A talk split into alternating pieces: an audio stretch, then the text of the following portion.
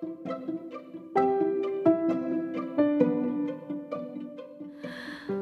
Hai. Ya, kita jarang loh recording siang, sore, sore ya. Ini bahkan udah gak siang sih. Sebenarnya ini udah bisa con considered malam, cuman belum Belum midnight. gelap, belum gelap banget. belum midnight. Mm. Biasa midnight ya. Iya, biasa kan kita udah super malam banget. Tahu nggak sih sebenarnya kayak kita tuh mikir kayak obrolan kita cukup berhenti di 15 episode aja. Karena kita udah mulai mikir kita sebenarnya mau ngomong apa lagi sih? Iya kayak ngulang-ngulang aja sebenarnya ya.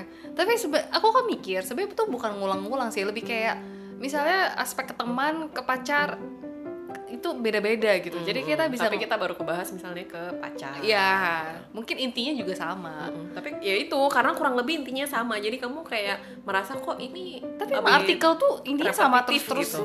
Kayak aku baca satu artikel kan kayak gitu, yang kayak YouTube channel. Ya, intinya dia bakal trace back lagi ya sebenarnya tuh karena itu. Ya sebenarnya karena itu. Tapi mungkin dengan kita terus bahas ulang-ulang, jadinya mungkin kita lebih mengerti kali. Hmm. Ya mudah-mudahan. Jadi kita stop apa enggak? kita lihat lah ya habis 15 ini kita gimana feelingnya ke habis recording ini gitu. Aduh. Iya, terhadap santan-santan semoga kalian tidak kecewa. Semoga kalian eh, apa ya mendengar mendengar podcast podcast kita sebelumnya juga bisa di scroll ke bawah kalau yang baru hari ini mulai menemukan kita Waduh, waduh. banyak banyak cerita cerita kita banyak obrolan obrolan kita mudah-mudahan ada yang cocok dengan kondisi kalian Jadi kita berhenti di 15. kita lihat lah ya habis 15 gimana Obrol 15 ketan hitam bersama Michi. dan Rere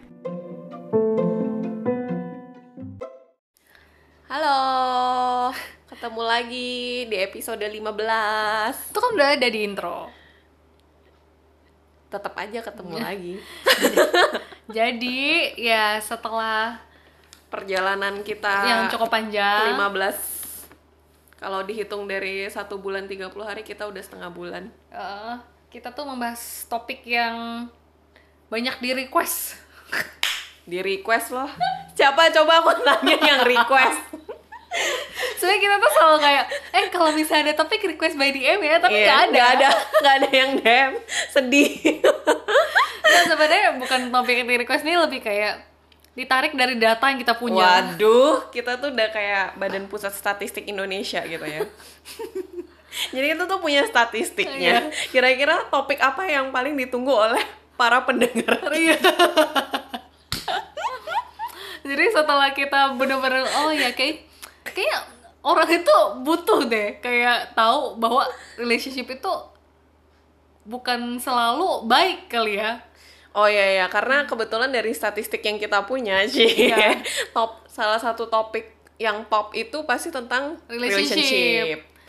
Terus habis itu eh salah satu yang top itu yang Gak baik gak baik. yang nggak pokoknya yang bu relationship itu ternyata tidak sempurna. Iya gitu. iya iya. Jadi mungkin dari sana kita tahu mungkin kayak kamu bilang kan, oh eh, relationship aku kok kayak gini ya? Apa mungkin sama nggak ya sama orang lain? Terus habis denger, eh ternyata sama juga ya. Iya, iya. Gitu. Mungkin kan orang kayak galau gitu kan dalam hidupnya. Terus kayak menemukan ini, oh ya, relatable. Iya. Ini iya. relatable. Ternyata relationship itu ya begitu kali ya. Mm-mm. Jadi ya dari sana akhirnya kita membahas tentang relationship. Lagi. Yes. Tapi kali ini kita mau fokus di mana nih? kita fokus ke kenapa kita harus Kenapa? Kenapa Seption? Kenapa Seption? Kenapa kita harus tahu mau apa di relationship? Hmm, Kenapa iya, iya, tuh? iya. Kenapa? Kenapa kita harus mau tahu nih? Kenapa kita harus tahu nih? gitu? Soalnya kadang kan, mungkin orang mikir, kenapa sih kita berdua nih terlalu banyak cincong ya. cincong banget sih? Kenapa Iya. sih terlalu banyak nanya banget gitu? Kenapa sih kamu tuh bertanya-bertanya terus ya hidup-hidup aja gitu kan? Iya, tapi menurut aku tuh kita tuh udah di grand dengan akal yang lebih ada akal. Maksudnya menurut aku gini loh, cara cara hidup yang tidak banyak bertanya itu kan kita tuh evolve ya manusia tuh evolve dari zaman purba ke sekarang mungkin yang zaman purba dulu yang waktu wah wah itu mereka nggak nanya tentang relationship atau Eh, mereka nggak uneducated. iya nggak bertanya tentang hidup tapi kan sekarang kita punya akalnya Hmm, hmm, hmm, hmm. kita mencari tahu gitu kan akhirnya kita bisa sampai ke bulan ya kan Oh, oke. Iya kan bener kan Iya, iya, akhirnya iya. ada di bulan jadi dari sini kita bertanya di aspek lain ya bukan tentang ke bulan yaitu kenapa sih kita tuh harus tahu mau apa di relationship gitu Hmm. Oke, oke. kalau mau aku jawab atau menurut kamu Terserah kamu deh. oh iya Kita udah sepakat. Kalau eh, aku sih karena kita tuh spend banyak time ya, Mm-mm. ya kan bersama pasangan kita, Hmm. ya kan? Ke depannya ya. Ya. Maksudnya ke depannya kita bakal spend banyak banget waktu bersama dia. Ya bener. Kalau misalnya kayak kita bilang umur kita mungkin sampai 60. 70 lah. Pesimistik banget sih. Aku tuh aku tuh yakin aku bisa hidup sampai 80 bahkan. Oke, wow. Oke, misalnya kita sampai 70. Terus misalnya sekarang kita umurnya ditaruhlah 30. Biar Iya, gampang hitungnya. iya. Berarti dari 70 ke 30 kita masih punya waktu 40 40 tahun. tahun lagi. Iya. Berarti kan kita harus mikirin nih 40 tahun lagi kita mau spend it with who? Iya, Ya kan? iya benar. Kita ngitung 40 tahun. Coba kalau misalnya kita ngitung days. Yang 40 kali 365. Iya. Oke. Oke, 40 kali 365 itu 14.600 hari. Eh kita udah ngitung. Iya, ya. kita udah ngitung. Jadi jangan nggak Jangan shock, ya. ya, matematika si Rere nggak sebagus itu. 14.600 hari. Kalau tadi mungkin kelihatannya kecil kan? Iya, 40, 40. tahun. Ah, 40 tahun doang gitu kan. Tapi kalau mikir 14.600 hari Yang harus kamu spend. yang harus aku spend bersama pasangan aku, ngobrol sama dia, makan sama dia, traveling lagi sama dia. Iya. Dia lagi. mengurus anak misalnya. dia lagi, dia Iya. lagi, dia lagi tiap hari. 14.600 hari. Jadi menurut kalian tuh perlu nggak dipikirin? Ya kan? Jawab. Kalian boleh ngomong di sini. Jawab. Bersama dia dan dia dia dia dia dia lagi gitu. Aduh. Ya menurut aku tuh ya kalau aku nggak usah ditanya aku pasti mikirin banget gitu. Mhm. Terus menurut aku tuh orang ngerasa tuh diri mereka tuh seakan-akan tidak akan ter- terkena penyakit cerai. Oh, oke oke. Optimistik ya. Iya, kayak cerai itu bukan punya gue deh, bukan punya hubungan gue. Hidup ini romansa banget kesannya. Iya, tapi sebenarnya tuh tingkat perceraian tuh tambah naik Mhm. gitu loh. Dan kita tuh kalau misalnya kita menikah, ya bercerai itu pasti ada ada ada risk untuk bercerai gitu loh. Dan siapa sih yang mau bercerai ya kan? That's why kita harus mikirin banget. Kayak kalau nyambungin dari bercerai aku rasa kan kematian atau misalnya kemalangan kita itu something that yang kita nggak bisa kontrol. Mm-mm. Tapi pasangan hidup ini itu tuh sesuatu yang kita yang pilih sendiri gitu loh. Iya. Kita yang kontrol gitu. Jadi kamu tuh yang bakal bertanggung jawab dengan resiko ke depan. Misalnya ya kayak kamu bilang, ke depan itu mungkin aja kita punya resiko bercerai. Iya. Jadi iya. kalau kamu nggak pilih baik-baik dari sekar dari sekarang, ya resiko itu akan besar lebih besar di depan. Bukan berarti kita kalau udah pilih yang baik nggak ada resiko itu tetap ada. Cuman maksudnya kalau kamu udah coba untuk minimize risk di depan kan lebih baik daripada kamu nggak pikirin risk itu sama sekali. Iya sih. Sebenarnya tuh kayak kenapa kayak kita yang bahas di toxic relationship itu ya. Kayak menurut aku tuh pandangan yang cukup naif ya atau perspektif yang cukup naif kalau mengira bahwa eh, negative traits yang dimiliki oleh pasangan kita itu nantinya akan berubah setelah merit. Hmm, Menurut aku tuh eh, karena kita tuh didoktrin gitu loh, Rey. Kayak ah nanti dia kalau udah nikah beda. Menurut aku tuh itu doktrin yang harus bener-bener dihapuskan gitu. Kenapa kita harus melihat dia berbeda ketika nanti dia sudah menikah? Menurut aku tuh nggak masuk akal di aku kalau aku sih ya. Kayak oh nanti dia bakal jadi lebih dewasa atau apa. Aku sih bener-bener nggak mau bet on that banget gitu. Kayaknya untuk itu rather than taking the optimistic measure, kita harus take the pessimistic measure deh. Iya. Kayak iya. maksudnya kamu harus lihat misalnya kalau dari sekarang dia bisa lebih buruk lagi dari ini tuh gimana gitu loh. Ya Kayak- misalnya dia sekarang gatel Heeh. kalau dia selingkuh Heeh. Nggak gitu Kalau kan? misalnya iya kamu udah menikah dia tiba-tiba punya anak sama orang lain, iya nah kayak gitu. iya iya iya iya iya. Kayak kamu tuh harus take measure-nya lebih lagi daripada yang sekarang terjadi. Jadi kayak kamu bilang kan, kalau kamu udah ngambil starting point-nya itu di negatif, butuh perjalanan panjang banget untuk sampai ke positif. untuk normal dulu baru Heeh, positif Untuk normal dulu baru Iya, positif benar, gitu. benar. Jadi ini memang harus dipikirkan banget pasangan hidup ini. Bener, bener-bener kalian pikirin deh. Kalian mau tidur sama dia setiap malam sejak kalian menikah.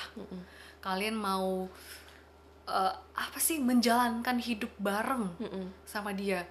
Mau Kalian tuh kayak sebelum tidur ngelihatnya dia, bangun tidur ngelihatnya ngelihatnya dia, lagi. pulang kerja lihat dia, masakin buat dia, ngurusin dia, Nanti mau ngurusin anak bareng dia. Eh, eh, mau ngurusin finance bareng dia, mau plan jalan-jalan bareng sama dia. many things. Kok mikirnya udah capek ya? Iya. Mau banyak deh. Iya, makanya kayak yang kita pernah bilang sebelumnya kan kalau partner itu it's not just a partner gitu loh. Iya. Dia tuh banyak layernya. Dia sebagai calon ayah, dia sebagai eh, menantu juga, Iya. gimana dia memperlakukan Kakak ipar. kakak ipar, ya apa mertua dan segala macem kan saudara-saudara kamu. Iya, iya, iya. Dia juga sebagai partner kamu. Bagaimana juga dia bersosialisasi dengan teman-teman kamu karena kan dia juga jadi part of your friends gitu loh. Iya, iya, iya, iya, iya.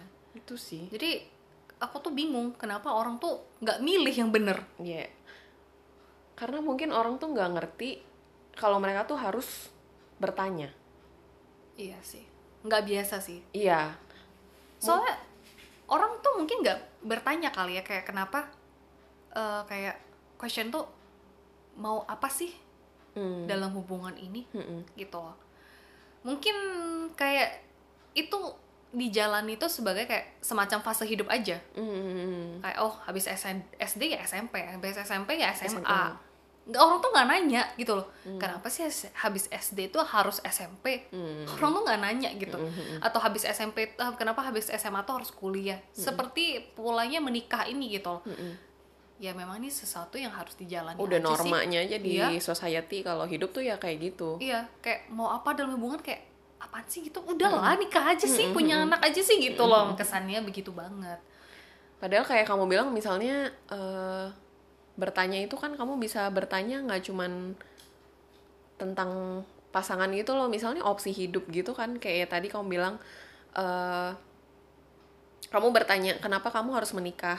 Hmm. Padahal misalnya ada opsi hidup yang lain. Jadi kan kamu harus pertimbangkan gitu kan. Hmm. eh, pro and cons marriage, pro and cons dengan opsi hidup yang ingin, ingin kamu ambil lainnya kayak gitu kayak gitu kan. Seperti juga apa ya pasangan ini gitu iya, loh. seperti pasangan. Kayak kita bilang kenapa orang tuh nggak milih yang benar gitu loh. So, kalau menurut aku sih karena menurut aku kenapa kita harus bener-bener mikirin ya. Hmm. Kita tuh nggak bisa punya banyak banget waktu tuh untuk merit berkali-kali sebenarnya. kalau bisa kalian nggak apa-apa nggak usah terlalu Iya, mikirin iya, iya. ya kan kita kan pengennya tuh merit sekali gitu Mm-mm. kalau memang bisa kayak putus sambung kayak pacaran ya udah nggak apa-apa merit itu ya dilakukan aja berkali-kali but since kita kan nggak bener-bener bisa merit berkali-kali banget nih ya kenapa itu harus dipikirkan banget satu orang ini gitu loh yang kita mau spend Karena eh, yang kita ingin juga sih untuk punya ya satu marriage aja hmm, hmm, gitu. Karena itu keinginan kita juga. hmm. Jadi kalau misalnya kita tahu keinginan kita itu cuman punya satu kali pernikahan ya berarti kita harus benar-benar mikirin kalau pernikahan ini harus bisa works well. dan menurut aku yang paling gak help itu contoh kayak dari zaman dulu misalnya kakek nenek kita tuh mereka tuh nggak terlalu banyak mikir habis itu kesannya hubungan mereka ya workout gitu aja Hmm.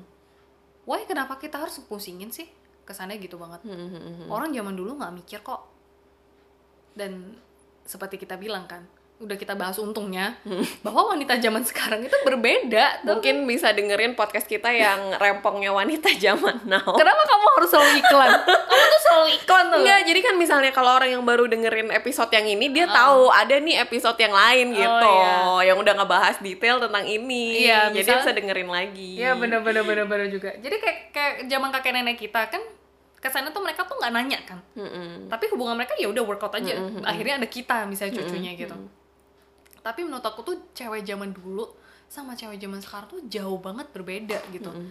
jadi that's why yang kita crave itu bukan eh, orang untuk menafkahi keluarga lagi gitu.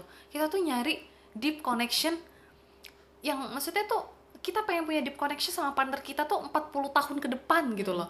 Karena kan kalau zaman dulu memang role-nya jelas kan. Mm-mm. Eh, misalnya cowok itu mencari material maksudnya nafkah kalau cewek itu ya di rumah menunggu nafkah yang dari suami. Sedangkan kalau sekarang kan cewek juga udah bisa kerja. Jadi maksudnya bukan bukan lagi segi material doang yang kita pertimbangkan. Mhm. jadi deep connection itu jadi play important roles in relationship. Iya, soalnya kalau misalnya gini deh, eh, katakanlah eh, aku sebagai wanita, aku menikahi dia, aku udah bisa cari duit, pasangan aku udah bisa cari duit, Mm. terus meaningnya hubungan kita lagi apa? Mm-mm. Kenapa aku bersama dia? jadi kan needs-nya bukan di material Iya, lagi needs-nya gitu. bukan dalam-dalam untuk memprovide lagi Mm-mm, gitu. That's why carinya tuh sekarang berbeda gitu loh. Menurut aku ya zaman sekarang udah berbeda sekali sih. Udah evolve jauh sih ya dari 50 60 tahun lalu. iyalah Iya. kalau melihat maksudnya sekarang lapangan pekerjaan segala macam juga kan udah rata gitu loh cewek dan cowok bekerja gitu Iya. Terus menurut aku tuh kayak eh orang tuh suka bilang kayak udahlah kalau jodoh juga nggak ke mana hmm. gitu loh. Menurut aku tuh nggak help banget sih Mhm. untuk untuk pencarian pasangan ini. kayak journey untuk mencari pasangan tuh kayak kesannya ya udah jodoh lah kalian tuh ketemunya tuh udah coincidence banget loh gini-gini kalian bisa gini-gini ketemu. Jadi kayak kamu kalian ngerasa oh ini mungkin ini eh, this is my fate Iya, ini sudah di- ditakdirkan, Ditakdirkan. untuk saya, iya. Jadi aku tuh nggak usah bertanya lagi. Menurutku kan orang zaman dulu tuh live by that banget gitu loh. marriage marriage is a reality sih bukan fairy tales jadi um, ya itu kamu harus beneran logically think about this kayak jangan jangan jangan terlalu romansa gitu loh. Kayak you know Hmm. uh, Santa Claus itu yang percaya anak-anak. Oh, kita tuh sekarang udah cukup dewasa untuk bisa bertanya emang siapa Santa Claus? gitu. Emang kapan dia? Emang datang dari mana? Em gitu. Ngerti nggak?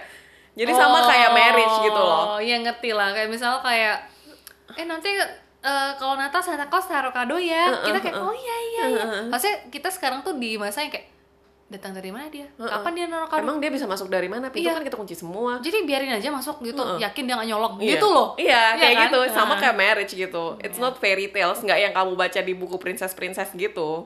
Kayak ah, bertemu dengan pangeran tampan dan uh, bla habis bla itu bla. dicium, habis Iya. aku terbangun gitu ya. bla bla bla gitu kan. Enggak, enggak. Jadi kamu harus mulai bertanya personality pangeran itu kayak gimana sih? Cocok gak sama aku? Apakah para pangeran ini tuh bisa ngeres anak bareng aku nggak ya? Eh, orang tuanya gimana? Iya. Dia sebagai mertua bisa cocok gak sama aku? Gue nggak romantis banget. Gak ada marriage itu bukan tentang romantis banget udah nggak romansa lagi. Aku nggak bisa terima.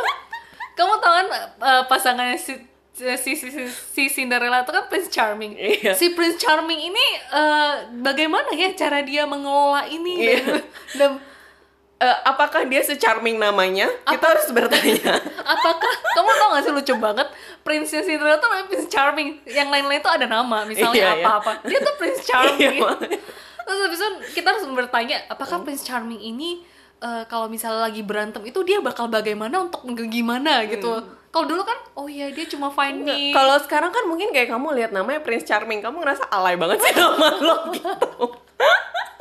Itu namanya udah salah misalnya ya. ada nama Prince George gitu misalnya atau Prince William gitu kan. Tapi namanya Prince Charming coba kamu pikir alay nggak gitu? oh my god aduh itulah. Kita harus realistis Bertanya, iya. ya. kita harus realistis. Terus habis mungkin dia tuh kayak eh, menari-menari habis jam 12 tuh kita harus bertanya tentang personality dia lagi. Iya. Iya. Iya iya nggak cuman kayak tarian dan dansa bertemu tatap mata udah langsung jatuh cinta no. Oh, iya iya. No no. Itu don't rush things. Enggak, biasanya itu menuju fail.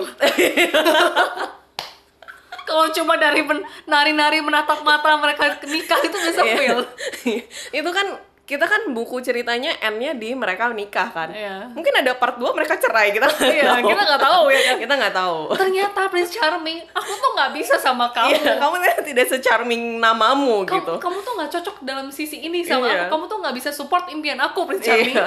kita cerai saja Aduh, kita pesimistik banget sih.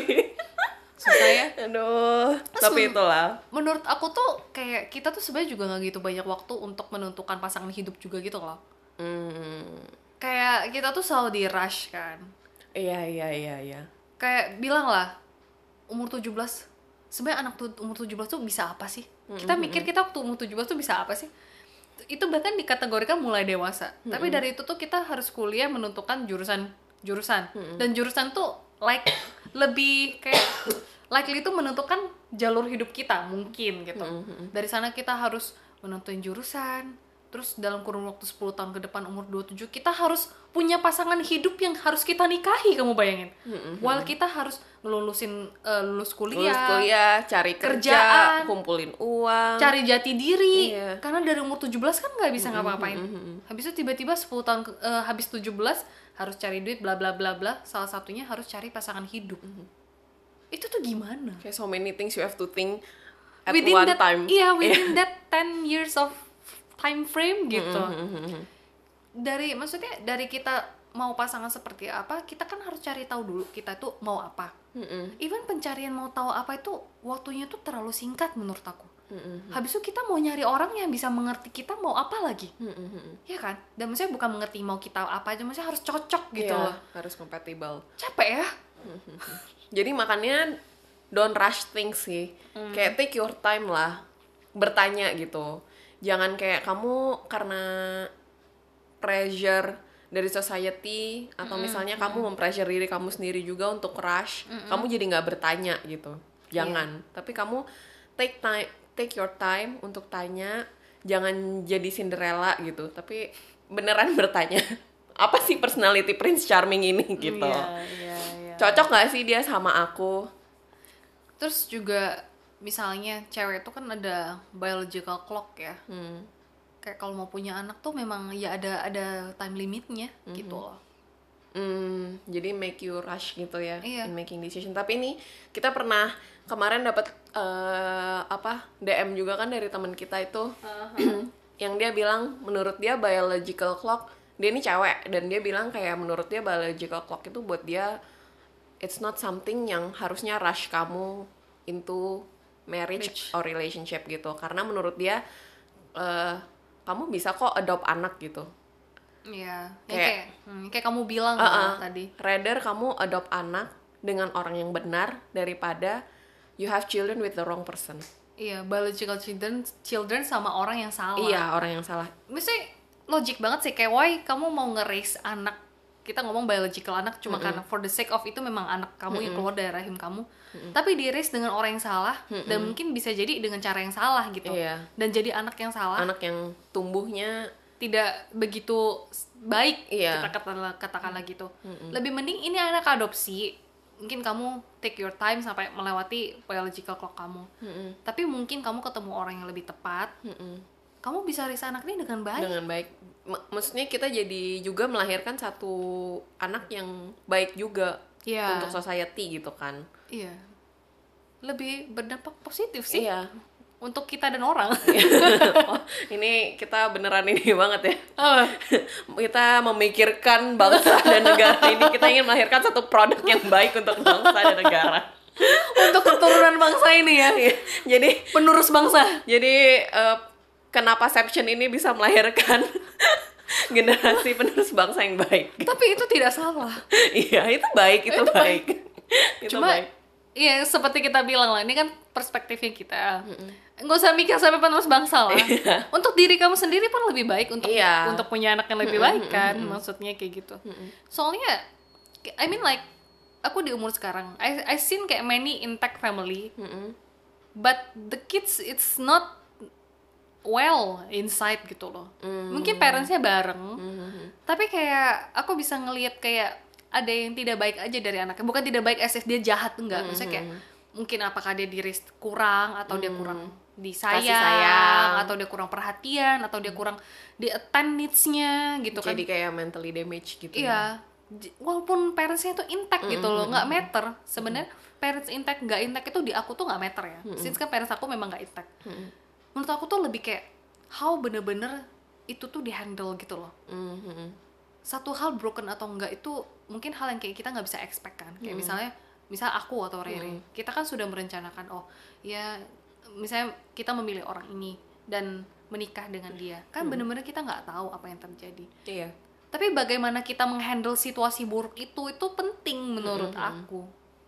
Gitu. kayak yang kamu pernah bilang juga kan kayak kalau misalnya di taruhlah 20 tahun ke depan kamu nyesal punya pasangan kamu yang ini tapi kamu sadar kalau keputusan kamu di saat dulu itu adalah keputusan terbaik yang bisa kamu ambil terbaik kan? Kita Iya, kita harus iya. kita harus quote terbaik. Heeh, berarti keputusan terbaik di saat itu. Iya, karena yang- kamu sudah bertanya-tanya akan banyak hal. Ya gitu loh. Sudah mengconsider Iya, banyak sudah hal. mengconsider banyak hal. Kalau misalnya kamu nggak bertanya-tanya, bayangkan 20 tahun ke depan kamu menyesal atas keputusan yang kamu ambil pada saat itu. kenapa ya kayak kemarin Aku nggak nggak mikir dulu misalnya aku udah kayak tahu gitu. dia kayak gitu kenapa aku masih lanjut ya Iya, heeh. kenapa sih aku tahu keluarganya treat aku kayak gini Mm, mm, mm, tapi aku masih mau nikah sama dia ya I mean kayak kadang ya bukannya aku mau jahat ya failed marriages itu mungkin happen karena people didn't ask that much Hmm.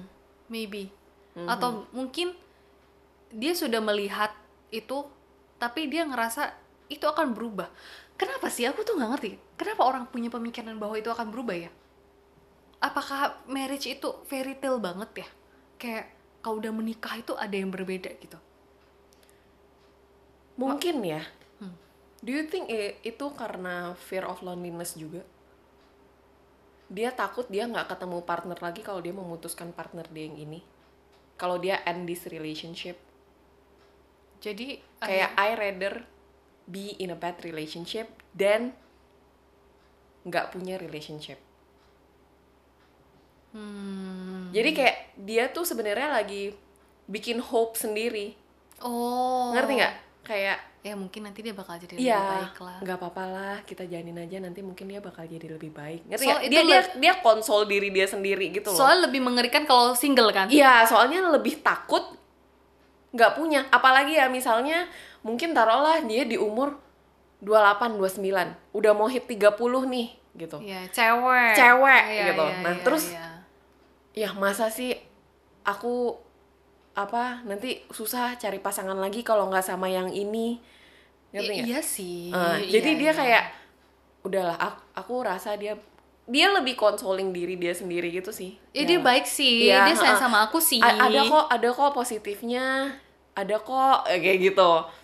Kalau Menurut kamu make sense nggak itu? make sense banget, make Ya? sense banget, make sense banget. Kalau aku sih ya, aku personally aku orangnya agak ekstrim. ya dia Bukan agak ekstrim sih, aku tuh lebih bisa dibilang lebih berani lah.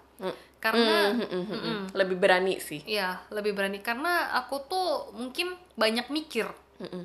and biasa tuh sampai over dan itu memang gak baik juga kan but aku tuh orangnya lebih lebih aku tuh suka mensimulasi keadaan gitu loh orangnya kayak mengimagine uh, create skenario di otak aku jadi kayak misalnya aku uh, membayangkannya kayak misalnya aku spend sama orang ini katakanlah. Terus aku tuh nggak bahagia. Karena aku sudah tahu sekarang ke ketidakbahagiaan aku tuh apa. Mungkin dia tuh suka ngeliat cewek dan aku tuh nggak bisa terima. Kayak kamu bilang deal breaker orang tuh kan beda-beda. Mm-mm. eh misalnya atau aku tuh nggak suka kalau dia itu eh males katakanlah kayak gitu. Atau aku nggak suka kalau dia itu apa sih biasa? Negative traits. Yang kita tuh tend tuh kayak ya udah konsol diri sendiri gitu Ngomongnya kasar? iya misalnya Hmm. tapi mungkin masih sayang Mm-mm. gitu kan aku tuh nggak bisa imagine kalau aku tidur dengan orang kayak gitu tapi aku feel nggak safe nggak nyaman Mhm. terus habis itu aku harus look at him in the bed coba imagine this guy beside me my husband make me feel this misalnya make me feel this horrible gitu dan aku tuh married to this guy Mhm. aku tuh ngerasa aku tuh jauh lebih lonely dibanding aku single Mhm. Iya sih, iya iya. aku mikirin aku malam aku natap dia dia Iya, lagi iya, tidur iya. aku di sebelah dia aku mikir kayak kok bisa ya aku akhirnya end up di Kamu marriage sama yang orang tapi kamu ngerasa sendiri tuh lebih lonely kan lebih lonely lagi dibanding kamu memang nggak sama orang iya sama orang. Iya iya. aku mikirnya aku natapin muka dia bagaimana sih orang ini bisa bisa seperti ini ke aku while sebenarnya sebelum married sama dia tuh aku udah tahu Mm, mm, mm, mm. Itu aku tuh lebih jauh bakal Jauh. lebih lonely. Iya iya. that's why aku tuh kalau aku sih orangnya aku bakal lebih takut seperti itu daripada sendiri. Hmm. karena sendiri itu ya udahlah memang udah sendiri nggak apa-apa. Mungkin but I will keep the hope inside me gitu loh. Who knows aku bakal ketemu like kita nggak usah bilang harus merit lah atau apa. Aku tuh orangnya juga nggak harus harus banget. Tapi maksud tuh siapa tahu aku memang nggak merit nih. Siapa tahu aku di umur 40-an 47 kah atau 53 kita ngomong kayak gitu. Aku ketemu temen Hmm. yang cocok. Hmm. aku bakal ngerasa lebih lebih better. Mm, mm, kan? Mm, mm. once kamu married sama orang yang salah menurut aku tuh hope kamu tuh hilang.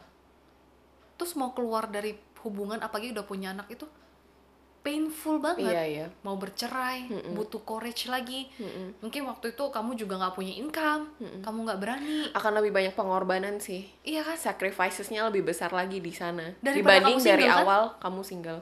Kayak kamu tau gak sih yang kita lihat chart em, ada bedanya single happy couple dan happy couple. Eh nggak single dan couple. Tapi couple itu dibagi dua lagi. ah Happy couple sama couple yang eh, tidak happy. iya. Dan sebenarnya single itu di atas couple eh, yang tidak happy. couple yang tidak happy. Jadi Tangga gitu iya kan? tangga gitu. Jadi sebenarnya ketika kamu itu single kamu tuh udah jauh lebih baik dibanding kamu punya pasangan tapi di hubungan yang tidak baik. Iya. Jadi kamu harus mulai tanamkan pikiran itu sih. Iya, iya.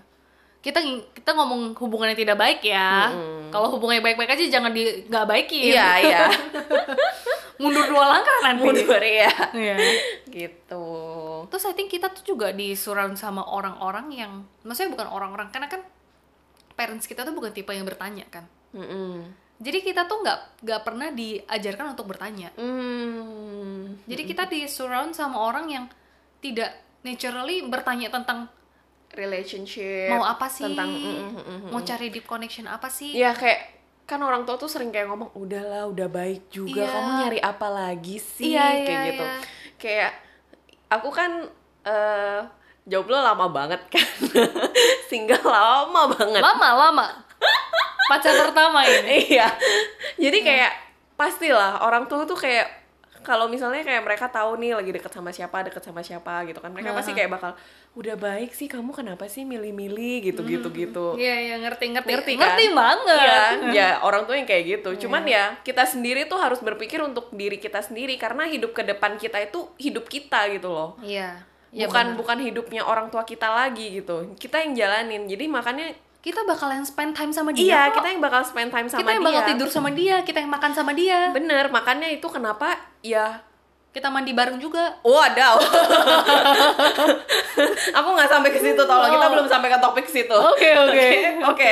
Oke. Jadi ya maksudnya walaupun orang tua kamu ngomong kayak gitu, kamu tuh harus punya boundaries untuk diri kamu sendiri juga gitu loh. Kayak Berpikir untuk kamu Iya, sendiri. berpikir untuk kamu sendiri juga. Ya ya tapi aku yang bakal jalanin ini sih. Iya, iya sih. Dengan siapa aku jalanin ini, aku harus benar-benar eh ambil kontrol di situ, bukan orang yang pilihin buat aku gitu. Karena sebenarnya oh, kita bilang deh kayak mungkin eh, parents kita atau apa ya. Jujur aja orang yang bener-bener kenal diri kamu tuh ya kamu. Mm-mm. Kamu yang paling harusnya kenal diri kamu sendiri, bukan orang lain yang menentukan jati diri kamu tuh apa dan siapa gitu. Makanya eh, harus menurut aku tuh harus bener-bener proses perjalanan semua ini itu ya. Kenapa kita bilang installing life skill yang pertama mother of skill tuh life kamu harus Assess. ya harus mengakses diri Assess. sendiri itu Mm. skill ini itu berguna untuk banyak aspek kehidupan gitu loh. Kamu mau sama siapa, kamu mau di treat seperti apa, kamu mau bagaimana menjalani hidup, kerjaan seperti apa, bagaimana itu tuh dari kamu sendiri semua. Mm-mm. Nggak bisa ada orang yang bisa memutuskan buat kamu. Happiness itu nggak bisa datang dari orang lain gitu loh. terus kok deep ya capek nih Jadi itu sih don't rush things gitulah. Kamu beneran harus bertanya-tanya karena ini tuh sebenarnya buat kamu gitu, bukan buat orang lain. Jadi Iya. jangan-jangan jangan jangan jangan jangan banyak banget jangan. Iya biar jangan Intinya jangan let society atau orang lain kayak um, pressure you gitu loh. Kamu, Kamu- beneran harus mikir. Kamu yang ngobrol sama dia tiap hari dia pulang kantor kamu harus yang gini nanti dia sedih atau kamu yang harus konsol dia terus dia misalnya lagi marah dia bagaimana itu kan kamu yang rasain semua. Orang tua kamu teman-teman kamu semua tuh nggak ngerasain loh. Iya kan? Bagaimana dia marah-marah ke kamu orang tua tuh cuma ya udahlah orang tuh biasa begitu. Tapi kan mereka nggak tahu sebenarnya kamu tuh dimaki seperti apa. Kamu tuh dibentak seperti apa. Ya kan? Mm-mm. Perlakuan yang kamu terima dari dia di belakang orang lain itu kan kamu yang paling paham gitu loh. kalian harusnya paling tahu sendiri Iya. sih sebenarnya bagaimana orang ini gitu loh. Mm-mm. Mungkin lebih berani kali ya untuk bertanya dan menerima dan accept sih. Except bahwa memang apa Orangnya ya kayak gitu, ngerti nggak? Kayak jangan lagi kamu apa bilang, adanya gitu ya. "Uh-uh." apa maksudnya misalnya kayak eh, tadi kita bilang orangnya marah-marah dengan bahasa-bahasa kasar. Hmm. Tapi nanti kita yang kayak enggak lah nanti dia bisa berubah. Enggak lah dia juga dia juga Uh-uh, masih sayang kok. Jadi itu sebenarnya denial stage. Kamu tuh nggak bisa terima. Hmm. Dia tuh sesungguhnya orang yang kayak gitu sih. Tanpa tanpa kamu harus mikir nanti dia berubah atau apa. Ya dia orangnya kayak gitu. Acceptance sih. Dan itu memang kayak butuh keberanian gitu loh. menurut aku tuh butuh keberanian dan prinsip. Karena aku ngerasa ya ada ada certain people yang maksudnya tuh yang lebih insecure dan mungkin tuh lebih kayak self esteemnya agak kurang. Mm. Tidak begitu berani untuk menjudge orang se hard itu. Mhm. misalnya kayak dia tuh orangnya kasar tapi eh, gimana ya mungkin aku tuh pantas kali ya dikasarin Hmm. gitu loh Mhm. makanya dia kasar mungkin Hmm. kayak gitu kali jadi mungkin bagus untuk lebih kita kita harap kalian nggak take this to the extreme lah ya Hmm. jangan diekstrimkan banget misalnya kalau dia cuma marah-marah dikit udah gua nggak bisa dimarah-marahin ya malu nggak gitu misalnya kita ini harus ada eh, kerjasama ya antara kita dan pendengar bahwa ini harus diaplikasikan secara baik dan Secara benar. bijaksana Iya, ya. benar. jangan jangan kayak dia eh, nggak boleh kamu dikit Oke, gitu. pokoknya ini dia udah parah banget nih. Padahal misalnya dia cuman kayak udah kamu jangan inilah Sama makan makan sugar misalnya Iya. takut diabetes gitu. Iya. Masa gue mau makan sugar aja dia nggak kasih gitu. nanti ke depan dia mau nggak kasih aku apa lagi dalam hidup Iya. gitu dia mau ngelarang apa lagi iya Itu emang sifatnya dia nggak bakal bisa berubah lagi nanti. Dia pasti nggak bakal nggak kasih aku banyak banget hal gitu. Ya please jangan jangan terlalu ekstrim gitu kayak kalian benar-benar harus assess sih self assessment itu penting sih secara realistically iya secara realistically realistically itu udah secara realistik sih. Iya. Berarti secara secara realistik banget deh pokoknya. Terus aku mau nanya nih kenapa menurut kamu most relationship itu fail? Soalnya kan divorce rate ini tinggi. I think ya kayak yang dari sebelum-sebelumnya kita udah omongin ya kenapa relationship fail itu? Kayak karena orang itu nggak tahu dia tuh maunya apa.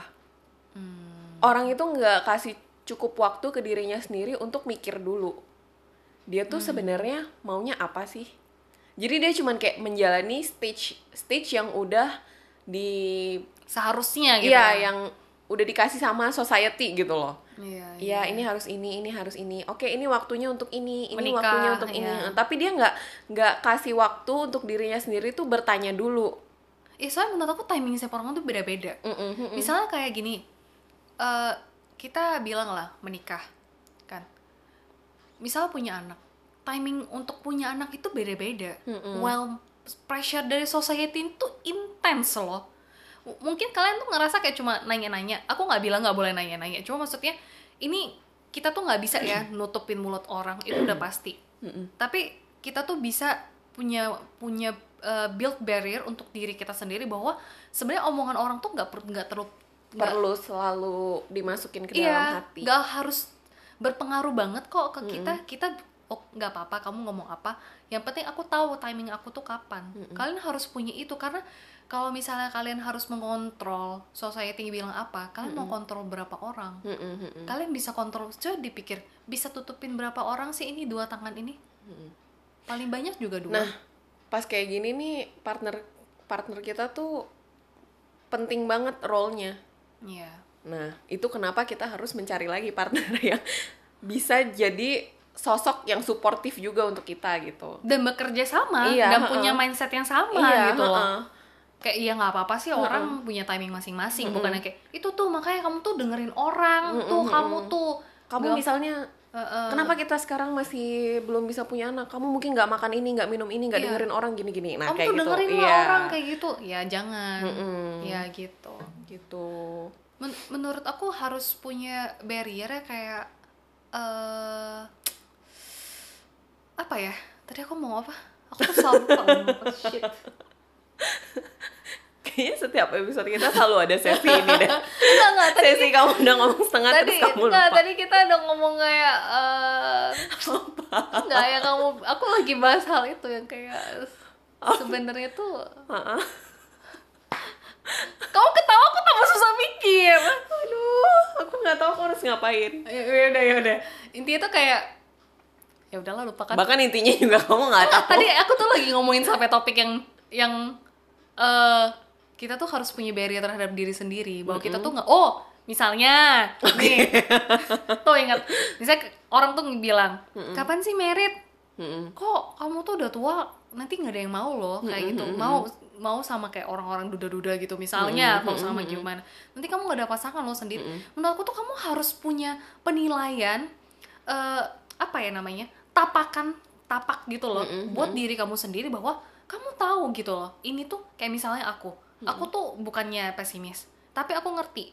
Kayak eh, kita bilang nyari itu kan nggak selalu ketemu. Kayak aku bilang oh ya nanti mungkin aku ketemu 47 apa 52 atau kapan.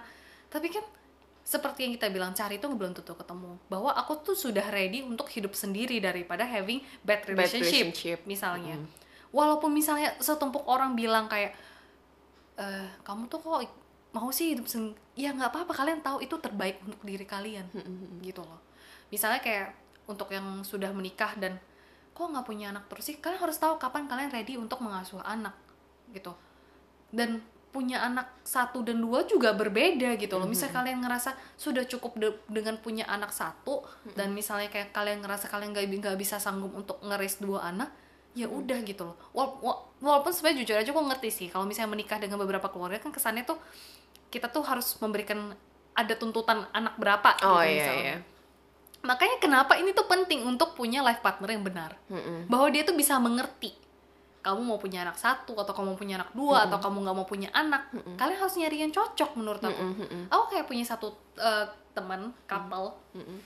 mereka tuh decide untuk nggak mau punya anak. Mm-mm. karena mereka berdua nggak suka anak-anak. Mm-mm. jadi mereka tuh enjoy life yang Berdua aja. serve each other gitu loh. kayak traveling enjoying life. Dan I think lihat tuh ada contohnya bahwa yang nggak yang nggak suka anak-anak bakal ketemu yang nggak suka sama anak-anak karena mereka question this thing. Kamu bayangin seberapa eh, lelahnya kalau yang kita bilang mereka tidak bertemu.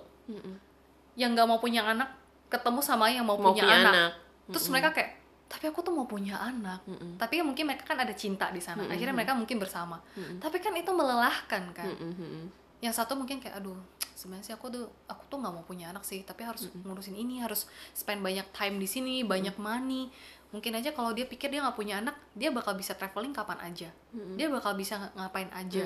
Sedangkan for this relationship yang dia aku nggak tahu kenapa dia mau akhirnya sama cewek ini Mm-mm. dia harus sacrifice ini gitu loh. Sedangkan yang pu- yang mau punya anak ngerasa kenapa sih nggak mau punya? Anak tuh nggak berkontribusi banget? Mm-mm. Gitu kan Mm-mm. kok nggak mau jagain anak dia banget kok nggak mau gini banget semuanya dikasihkan ke aku gitu kan Mm-mm. lelah kan Mm-mm. Makanya ya itu kenapa betapa indahnya kamu mereka bertemu harus bertanya-tanya. Ka- eh, your partner nggak bakal jadi perfect partner sih, tapi kamu harus bertanya apa yang esensial dalam hidup kamu, Iya. apa deal breaker kamu. contohnya nih misalnya kalian pengen orang yang bisa main piano ya ya ya ngerti itu bukan deal breaker banget Iya, gitu heeh. loh.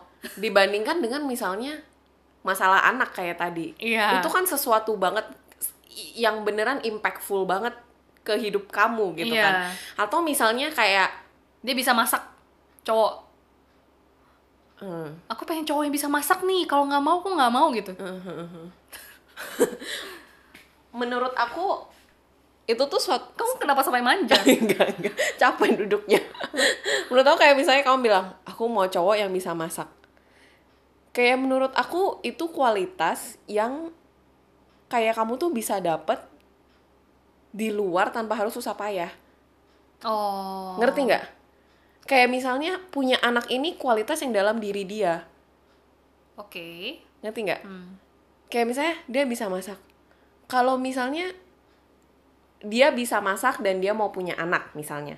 Kamu itu nggak mau punya anak tapi kamu cari yang bisa masak. Hmm. Nge- ngerti kan maksudku? Oke. Dia ini eh tadi aku bilang apa? Bisa masak dan punya anak. Oke salah gini.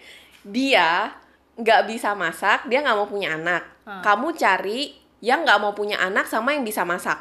Nggak punya anaknya ketemu tapi bisa masaknya nggak ketemu kan oh iya iya Ah, Ah. ya kan kayak gitu. Ah. Nah, kamu kan bisa beli makanan di luar yang enak. iya jangan gara-gara nggak bisa Gara-gara nggak bisa masak, kamu tuh ya udah gitu. iya ngerti Ngerti nggak? Deal breaker tuh kayak beneran harus sesuatu yang qualities within dalam dalam diri orang itu yang impactful banget. yang lebih in esensial lah Iya ya iya iya iya. Gitu loh kayak yang lebih core banget deh. Mm-mm. gimana Misalnya- ya cara per- kita bandingin deh. Misalnya kayak looks lah. Mm. kayak misalnya aduh dia kurang ganteng nih misalnya. Tapi maksudnya kalian tuh cocok ngobrol cocok apa segala macam. Tapi komunikasinya. bagus gitu. Misal kalian tuh bagi tapi kayak aduh dia kok kurang ganteng ya? Kayak sebenarnya sampai satu masa kita bakal keriput sih Iya, tapi kalau dia bener-bener bisa ngomong dan bisa sayang sama kamu itu last banget loh iya. Iya, itu it, that- itu kayak karakteristik that will last gitu Iya. loh. Kayak ya misalnya kayak anak-anak itu kan bakal seumur hidup sama kamu gitu. Iya, Jadi iya, mau iya. punya atau nggak punya tuh beneran impactnya besar. mau iya Heeh, iya, gitu iya. kan.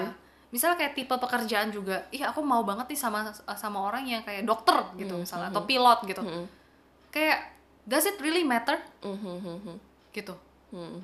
lebih di di Kayak- esensinya gitu loh Esensinya tuh mungkin menurut kayak aku essential oil ngerti nggak itu tuh maksudnya pure ya. pure kayak apa ya Lebih kayak kan concentrated banget iya, ya. kayak di dalam gitu loh. Iya, iya. kayak eh, mungkin ini kali ya kita pernah ngomong kayak jarak. Heeh. Kamu tuh orang yang harus deket iya sama pacar sedangkan aku tuh orang yang kayaknya enjoy long distance. Nah, ha, ha, Nah, ha. itu kan jarak itu berarti sesuatu yang esensial juga gitu loh. Iya, iya, iya. Kamu bisa nggak kalau misalnya jaraknya jauh gitu loh. misalnya kayak gini deh misalnya Rere dia bisa long distance dia ketemu sama pasangannya bisa long distance itu kan essential tapi maksudnya mungkin Rere itu eh, suka cowok ganteng gitu akhirnya dia Suka, suka. akhirnya dia lihat nih ke mall dia ketemu nih cowok ganteng gila nih tipe gua banget deh muka dia gitu segala Hmm. macem kan tapi habis itu eh, ternyata karakter dia tuh kayak nggak cocok gitu loh misalnya Nempel banget gitu Iya nempel banget, Rere tuh gak suka ditempelin, lucu Iya. banget pokoknya Dia tuh gak suka hubungan nempel-nempel Jadi apakah ganteng itu jadi esensial? Enggak. Iya makanya Kayak gitu. Iya, Jadi bagus kayak- kan contohnya Jadi kamu tuh harus tanya ke diri kamu juga gitu loh. Apa sih karakter penting yang menurut kamu harus ada di pasangan kamu ini? Iya. Kayak kamu tuh nggak bisa punya semuanya, tapi core deal breaker kamu tuh apa? Deal makers kamu tuh apa? Misal, Misalnya contohnya yang punya anak punya anak Mm-mm. Dibandingkan sama yang bisa main gitar apa enggak Iya. Itu kan jauh ya Iya. Iya. Misalnya kayak contohnya eh, Cara dia Apa ya Meneng kasar apa enggak Hmm. Gitu kan A- Aku nggak bilang kayak kasar itu bagus atau enggak Tapi tingkat kekasaran kan beda-beda Iya. Misalnya kalau kamu ngerasa ini udah kasar Dan dia ngerasa ini biasa aja berarti itu nggak bisa iya, berarti kalian nggak compatible. Iya. Level level komunikasinya berarti juga off di situ. tapi mungkin dia bisa masak buat kamu tapi itu penting nggak Mm-mm, mm-mm. gitu loh apa dia bisa masak buat kamu doang itu lebih penting daripada dia ngomong kasar Mm-mm. gitu jadi harus ditimbang-timbang sendiri ya ini atau misalnya dia bisa cowok itu bisa balet. Waduh kalian ngerasa waduh cowok balet keren banget. Gitu wow. Secara fisikal dia Iya. kayak wow gitu. Kayak graceful Iya, banget graceful. kan cowok balet keren banget gitu. Iya. Tapi misalnya dia tuh yang cuek ke kamu nggak peduli sama perasaan kamu. Penting nggak baletnya dia? Mungkin dilihat tuh lama-lama enek kali baletnya itu. Kayak lu males ah lihat orang yang karakternya kayak gitu. Cara yang jadi ya itu beneran core-nya sih essential oil itu lah yang Iya, kamu bilang iya. itu. Dipakai berapa tetes aja tuh kerasa. Iya. kok kita jadi kayak mau mengendorse sesuatu gitu ya? Aduh. Aduh ya ampun. Kok kamu kayak Lucy? Iya jadi I think It- itu aja ya. Iya. Yang- Wh- why most relationship failed ya sebenarnya core-nya banget karena orang kurang tahu maunya apa dan tidak benar-benar dicari tahu sih. nggak ber nggak bertanya sih. Dan kedua fear of being lonely juga kan sebenarnya. Terus eh, menurut aku ya banyak banget reason kenapa relationship fail ya. Banyak banget. Tapi kalau aku udah list list down semua ya balik lagi sih cuma satu kalian kurang tahu mau apa aja sih. Hmm. misalnya kayak kita bilang lah contohnya kayak eh kalian ketemu pasangan. Kayak needs kalian tuh terpenuhi banget dia nurutin segala macam bla bla bla. Kayak gitu kan. Habis itu dia enak jadi orang yang kayak cuma nurutin kamu doang. Misalnya kayak gitu. Kayak kamu tuh nggak lihat dia sebagai equal lagi. Kayak gitu. Kan jadi masalah. Hmm, sebenarnya kalian tuh butuh apa? Gitu loh butuh butuhnya tuh apa banget? Diturutin banget kah? Atau butuh ngerti gak sih? Eh, mungkin juga kayak eh, kalau misalnya kayak kita diturutin terus gitu ya. Kayak at some point tuh kita bakal jadi gimana ya? Eh pasang menurut aku tuh orang itu gak gak ada yang sempurna pasti ada suatu saat dia tuh bakal mengecewakan gitu. Cuman kan di relationship kita belajar untuk sama-sama mengatasi kekecewaan. Jadi kalau misalnya kamu terus-terusan diturutin lama-lama kamu jadi akan bosen. Hmm. Menurut aku. Oke. Jadi kayak kamu tuh mulai kamu kayak nggak nggak ada belajar untuk saling mengerti di relationship itu. Untuk saling compromise tapi misalnya kayak gini aku sebagai wanita aku Hmm. ngerasa aku seneng seneng aja sih kalau needs aku diturutin Mm-mm. tapi eh perlu dipertanyakan banget sih mungkin ada beberapa orang yang seneng begitu kan oh aku diturutin banget gitu tapi menurut aku deep connection itu Mhm. it's way more than that sih Mm. kayak kalian kita bilang jangan kayak appearance lah atau bisa main gitar atau misalnya kayak nggak mau punya anak atau punya anak. Bahkan ini ke level yang kayak dia tuh nurutin kamu. Harusnya tuh baik gitu loh. Ya bagus lah. Kalau kan kan orang tuh suka bilang dia tuh nurutin kamu kamu mau apa lagi? gitu. Tapi sebenarnya menurut aku role relationship eh, role sebagai partner di hidup kita itu ya bukan hanya pemuas Mm. akan kebutuhan kamu. Mhm. dia itu harus satu individu yang karakternya itu jujur aja susah dijelaskan apa tapi kalian tuh bertumbuh bareng. Mm. itu bahasa yang tepat sih menurut aku. Grow together. Iya. Karena kalau cuma nurutin ya nggak akan grow. Iya. Mm-mm. jadi kayak nggak ada satu orang yang em, kasih input di relationship ini gimana cara relationship ini oh my god. Cara relationship ini bertumbuh gitu. Uh-uh. karena cuman keep feeding one person. Iya. Dia nggak feeding dua. Kayak gitu. Jadi kalau kalian kayak kita bilang eh, tadi kayak kita bilang kalian harus cari kalian tuh maunya apa gitu. Tapi menurut aku relationship yang baik ya itu tuh punya deep connection. Yang kita tuh kan setiap orang tuh butuhnya beda-beda. Mm-mm. bahwa kalian tuh bisa connect in a way yang gimana ya ya begitulah hard to explain ya kita nanti nanti soalnya kita kita mau bikin ini jadi obrolan lainnya lagi nanti kita akan bahas lebih detail lagi ya soalnya kan ini kalau dibahas panjang bener Iya, Panjang. ini aja udah udah 50 Iya, menit men ini udah 50 menit jadi kita harus pokoknya intinya kalian tahu dulu Iya, iya. Kenapa harus bertanya, ya kan? Kenapa harus milih orang yang benar? Oke, mungkin tuh summarize Ya. semuanya.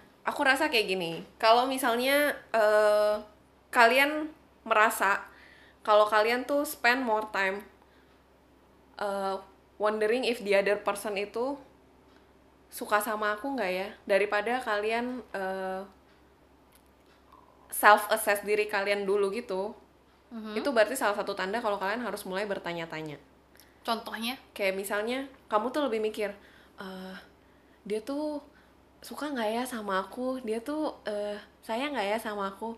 Kayak ini kan pertanyaan-pertanyaan yang di awal-awal eh, relationship eh, maksudnya mungkin di awal-awal kamu PDKT gitu kan. Oke. kamu nanya-nanya gitu. Sedangkan kalau kamu Sudah jalanin. sudah jalanin itu kan lebih daripada cuman dia suka sama aku nggak ya? Tapi kamu harus mikir eh, apa ya yang bikin aku bisa suka sama dia Ah, terus kayak eh, biasanya relationship maksudnya PDKT itu kan masa masanya singkat banget kan Ha-ha. jadi kamu tuh masih belum punya ruang untuk berpikir tentang apa sih yang sebenarnya kamu cari apa yang bikin kamu tuh sebenarnya tertarik sama dia kayak sparks itu tuh cuman bertahan sebentar Oke. itu tuh bukan love Oke. jadi makanya kamu tuh harus dari awal itu bertanya-tanya dulu gitu loh Hmm. ngerti nggak ribet ya Deep aja. kayak Deep aja. Coba di elaborate, elaborate. Aku mau ngerti, aku mau ngerti. oke kayak misalnya kamu menurut aku kayak di awal PDKT Ah, kan kamu pasti kayak bertanya-tanya gitu Eh, dia suka nggak dia ya sama dia aku? suka nggak ya sama aku terus Ah. kamu tuh keep on fulfilling dia punya needs Oke. ya kan kamu kasih dia ini kamu kasih dia itu Biar pokoknya intinya kamu mau dapet dia gitu aha. tapi kamu tuh nggak nggak kasih kamu sendiri waktu untuk bertanya aku tuh sebenarnya mau apa sih dari iya dia? Hmm. aku tuh sebenarnya mau apa sih dari dia jadi kamu tuh keep on nurutin dia keep on gitu gitu gitu gitu ngerti nggak Iya, iya, iya. nah itu tuh kamu maksudnya boleh sambil bertanya-tanya sebenarnya aku tuh mau apa sih dari dia gitu loh sambil dicari tahu. sambil dicari tahu Sambil ah, kayak gitu ya. apa sih yang bikin aku tertarik sama orang ini? Gitu. Even menurut aku tuh pertanyaan yang boleh ditanyakan di fase mana pun dalam hubungan kalian Hmm. sih mau waktu awal atau mau sudah satu tahun atau mau udah lima tahun itu perlu dipertanyakan sebenarnya tuh apa sih gitu loh dari orang ini gitu. Sebenarnya kita tuh punya apa sih? Sebenarnya kita jalanin apa sih? Bila perlu ya eh, kan gini kalau dulu aku tuh selalu dapat satu em, apa sih namanya kayak nasehat gitu loh dari guru aku kan guru Inggris aku otak itu nggak setajam ujung pena Mhm. jadi kalau kalian daripada lupa atau gimana, ditulis aja deh. Apa sih yang aku suka dari orang ini? Kenapa sih aku milih dia? Apa sih pros and cons-nya? Since itu kan kita nggak baca dan siapa pun nggak baca. eh bagusnya itu kayak be honest to yourself aja. Terhadap baik buruknya kalian pertimbangkan kalian lihat kalian baca lagi. Karena kalau kalau bentuknya itu eh jadi satu hal yang objek yang kelihatan bukan cuma dipikirkan banget itu jelas. Mhm. mungkin kalau kalian ada 10 poin kalau kalian pikirin terus nanti lupa. Mhm. ingatnya cuma lima poin nanti lima poinnya kalian neglect lagi. Terus habis itu kalian ada justification lagi terus habis itu kan lama gitu. Maksudnya jadi rem- rempong. Jadi tulis aja kenapa aku mau sama dia apa sih yang ada dari dia connection apa sih yang kita punya sebenarnya kita tuh butuh apa sih gitu-gitu Nah, kayak supaya kita bisa assess dengan baik, kita tuh jadi butuh waktu. Hmm. Itu kenapa don't rush things. Iya. Kayak makanya PDKT tuh kamu jangan kayak em, terburu-buru atau misalnya kamu cuman keep on "Eh, pokoknya aku harus dapetin dia dulu, dapetin dia dulu, dapetin dia dulu. Jadi Hmm. aku pokoknya nyenengin dia aja apa aja yang dia mau, aku inin dulu gitu enggak. Tapi ada ya orang begitu ya aku rasa setiap orang di awal-awal PDKT kayak gitu sih. That's why menurut aku penting untuk text time. iya sih iya. Jadi kamu beneran assess apakah dia orang yang tepat dan apakah eh, kamu tuh juga orang yang tepat buat dia. Jadi kayak kamu juga eh, berusaha, misalnya kamu kan sambil lihat tuh, oh dia needs-nya tuh kayak gini, kayak gini, kayak gini. mungkin Tapi, aku nggak cocok deh eh, gitu. aku bisa nggak ya keep on fulfilling itu Misalnya kayak atau dia pengen punya anak aku nggak pengen punya anak sih Ah, sebenarnya itu jadi be kayak honest aja Uh-uh, sih be honest jadi kayak masa PDKT itu atau mungkin masa pacaran kita itu sebelum ke married itu ya try to take time as long as you need to think kayak jangan rush jangan em, dikejar waktu Iya, jangan cuman kayak pengen ah pokoknya aku mau bahagia bahagiain dia dulu, bahagiain dia dulu, bahagiain dia dulu gitu loh. Kayak ketika kamu cuman mikirin tentang apakah dia suka sama aku, tapi nggak pernah mikirin apakah aku beneran suka sama dia. Nah, itu yang kamu harus start to question yourself gitu. perlu sih bertanya sih sebenarnya Mm-mm. dan yang kayak Rere bilang take time as much as you need itu beneran literally take time as much as you need gitu. Mau itu sampai kapan pun mau itu mungkin lebih lama daripada orang lain. Karena seperti yang kita tadi udah bahas 10 tahun untuk mencari jati diri kerja eh, ngelusuin kuliah terus mau nyari orang ini 10 tahun itu nggak cukup sebenarnya ya kan? Dari 17 ke 27 dan sebenarnya umur 27 tuh orang aja udah consider tua loh. Biasa umur 25 disuruh meret gitu loh dari 17 bahkan tuh udah minus 2 tahun Iya, lagi iya. gitu. Jadi daripada salah ya 40 kalau aku sih eh, misalnya nih kalau mamiku kan dulu kan suka kayak kan aku kan masa-masa yang kayak single dulu soalnya aku mulai pacaran tuh kayak baru bener-bener serius umur 22 deh Hmm. gitu jadi dia tuh kayak takut aku tuh banyak milih gitu loh Apalagi mamaku.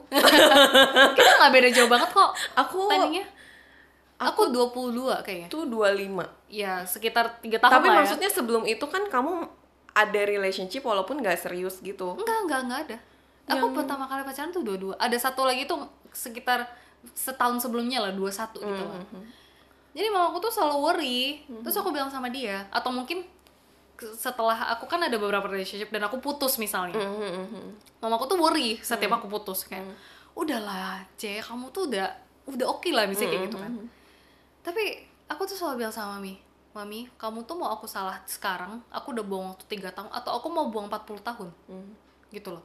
Terus dia kayak jadi ayo udahlah kamu atur aja lah hidup kamu. Kayak dulu tuh pas kayaknya zaman zaman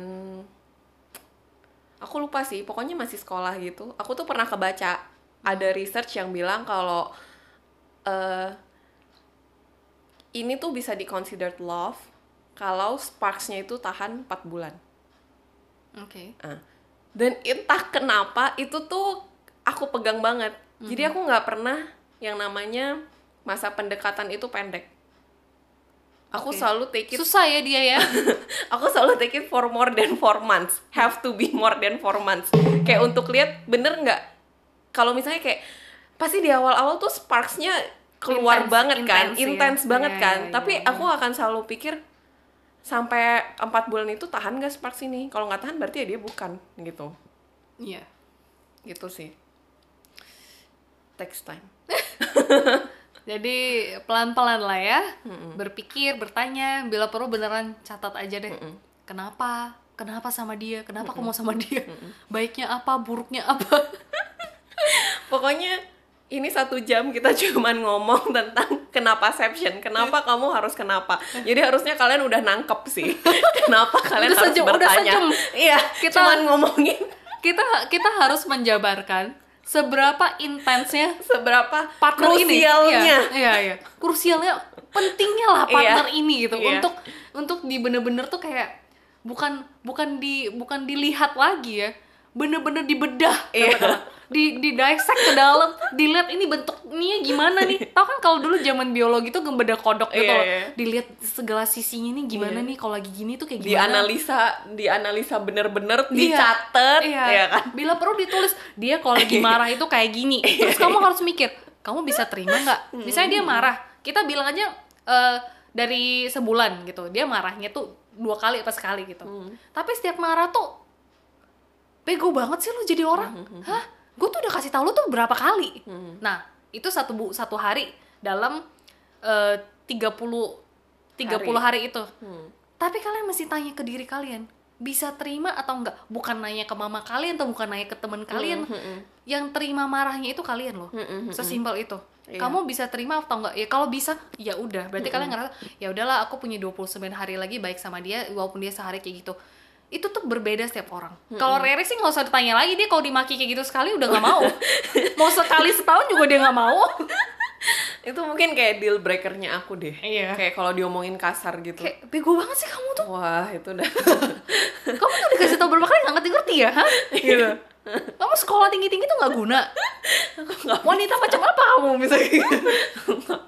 makanya tapi kalau misalnya kayak dia marahin aku tapi nggak dengan ngomong kasar Hmm. ya aku bisa terima gitu loh Ya, Cuman- beda-beda. Eh, eh, makanya kayak itu aku ideal breakernya aku di situ gitu Hmm, ya. So, sejam kita menjelaskan kenapa. kenapa kamu harus kenapa Iya. Bertanya, bertanya. Ya aku rasa udah cukup jelas ya. Iya. oke lah Semoga berguna semoga kalian bertanya-tanya mulai sekarang dan kita nggak pusing berdua rame-rame. Iya kita rame-rame nanti mungkin kita bisa dengar pertanyaan-pertanyaan kalian mudah-mudahan di DM Iya. masih menunggu So, see you in the next podcast. bye bye